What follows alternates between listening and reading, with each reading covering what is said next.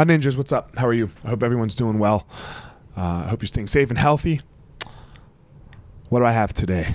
So, man, got to train with my monogamous training partner today, and uh, Alex Huddleston. So, just so you all know, uh, because he and I are filming, and we both have a very similar risk of uh, with our wives and our families. So um, he and I film the videos together, and uh, we'll, we will also train.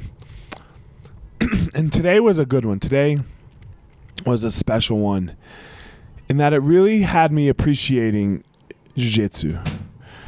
And what it really had me appreciating was the chaos of jiu-jitsu. Right? Because we had trained a couple times before, but we didn't really go. But today we kind of went. And in the going, there's so much chaos.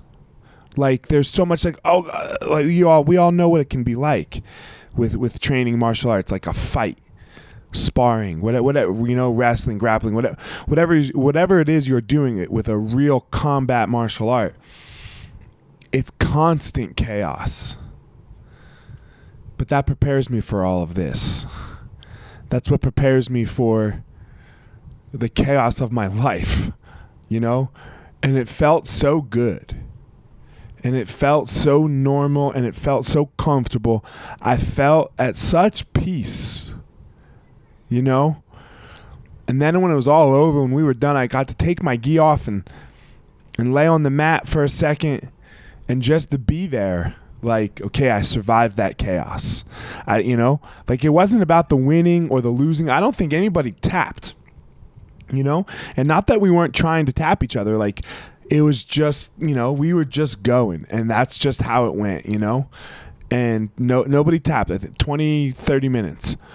And man it was so beautiful. The the unknown of it. The oh shit oh oh oh the the little things about it just touched my heart in a way today that it made me really love it and appreciate it and miss it, you know, and miss it. And then kind of like miss all my other homies, you know, miss all of my students. So if that's you, right? If you're if you are one of my students and listening to this, uh, man, I miss you. Give me a shout, hit me up, say hello. Uh, that's it, guys. Find your power.